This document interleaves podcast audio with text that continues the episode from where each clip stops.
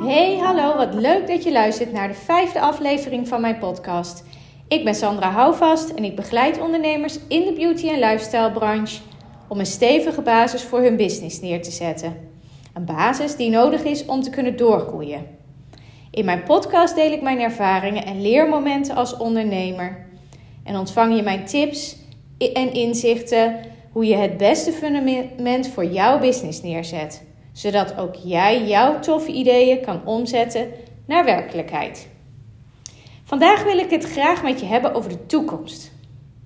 Niet dat ik een glazen bol heb om in te kijken, maar ik heb het idee dat het ondernemersvak in de beautybranche wel eens drastisch kan gaan veranderen. En dan met name de medische, of de niet-medische, de esthetische behandelingen in de salon uh, of de behandelingen bij de kapper. De ondernemers eigenlijk die met een corona-lockdown hun behandelingen niet mogen uitvoeren, dus de salon moeten sluiten. Voor deze ondernemers heb ik zo'n gevoel dat de toekomst er anders uit gaat zien. Het zal mij niets verbazen als de kapper of de schoonheidsspecialist een soort van seizoenswerk wordt. Net als de strandtenten in Scheveningen en Zandvoort of de ijssalon in de stad. Bijvoorbeeld negen maanden per jaar behandelen uh, en twee, of nee, drie maanden per jaar dicht. Uh, hè, zo ongeveer. Klinkt best raar, hè? Maar als je kijkt naar de afgelopen twee jaar, dan komen we daar wel in de buurt. En ik begrijp dat je hier boos en verdrietig over bent. En helemaal los van het feit of dat nu wel of niet nodig was, of een lockdown nu echt de beste oplossing is. Want van die discussie blijf ik graag weg en daar gaat het hier ook niet over. Zul je hier wel over na moeten denken. Als je dit niet doet, zal het je elke keer weer overvallen. Elke keer als er een lockdown aangekondigd wordt, zul je je weer slachtoffer voelen van de maatregelen. Wat nou als je het eens kan omdraaien? Geen slachtoffer zijn, maar je verantwoordelijkheid nemen. Je verantwoordelijkheid ten opzichte van jezelf, van je gezin, van je bedrijf en van je personeel. Als je die verantwoordelijkheid kunt pakken en jouw business zo kan inrichten, zul je geen financiële stress meer ervaren of minder financiële stress ervaren. En zul je ook veel minder snel het slachtoffer voelen. Maar dat zal dus betekenen dat je je bedrijf anders moet gaan inrichten.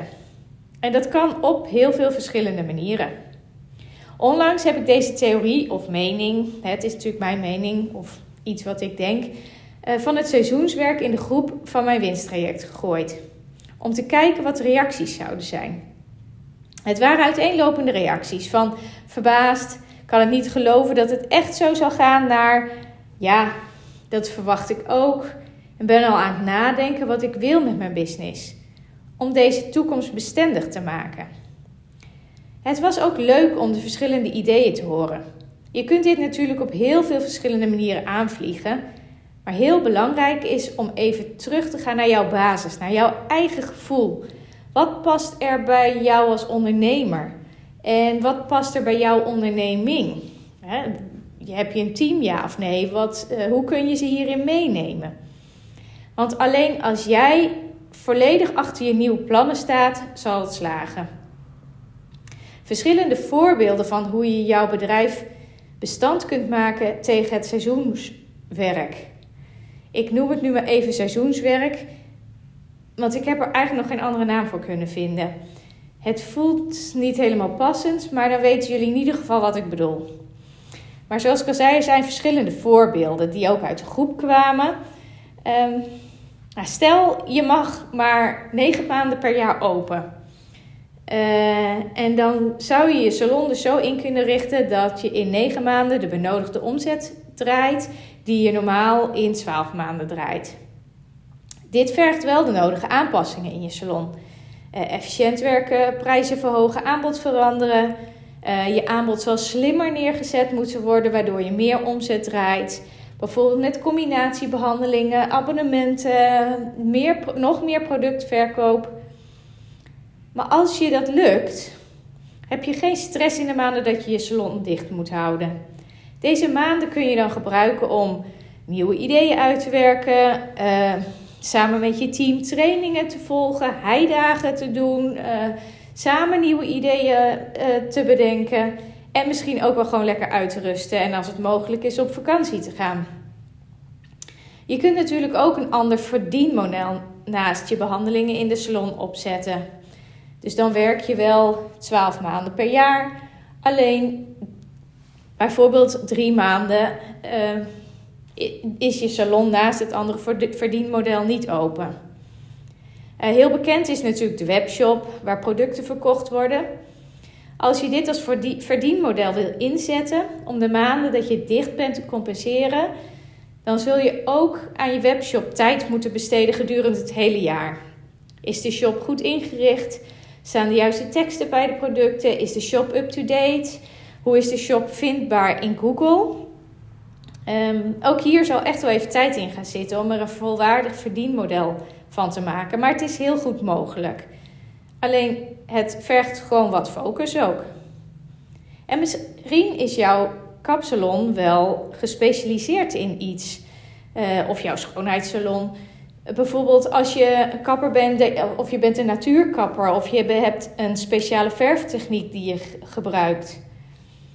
Je zou dan in tijden dat je salon dicht is, trainingen kunnen verzorgen. Trainingen aan andere kappers die graag met nieuwe technieken willen gaan werken. Of die graag willen leren hoe je met kruiden je haar kunt kleuren. Dit kun je eh, in real life doen natuurlijk, live op locatie, als dat op dat moment mag. Maar je zou er ook over na kunnen denken om er een online training van te maken, waarin je je kennis overbrengt. Wat ook heel veel naar voren kwam in de groep was stoelhuur. Uh, dat is natuurlijk iets wat al heel veel gebeurt.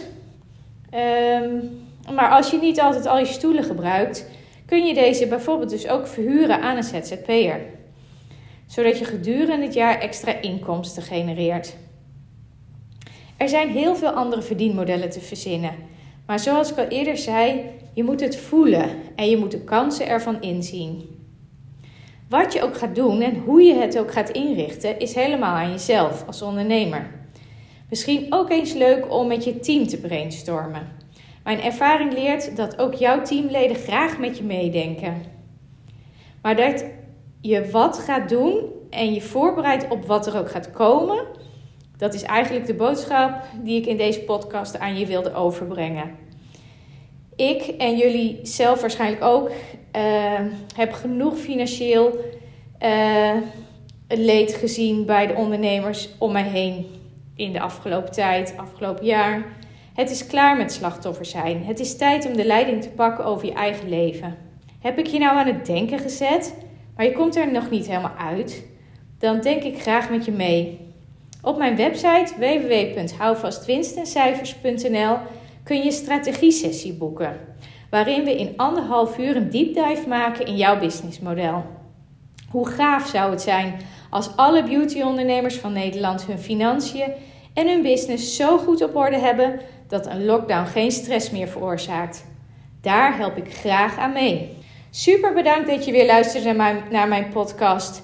En ik hoop dat ik je heb kunnen inspireren om eens over je business na te gaan denken. Voor nu wens ik je een hele fijne dag.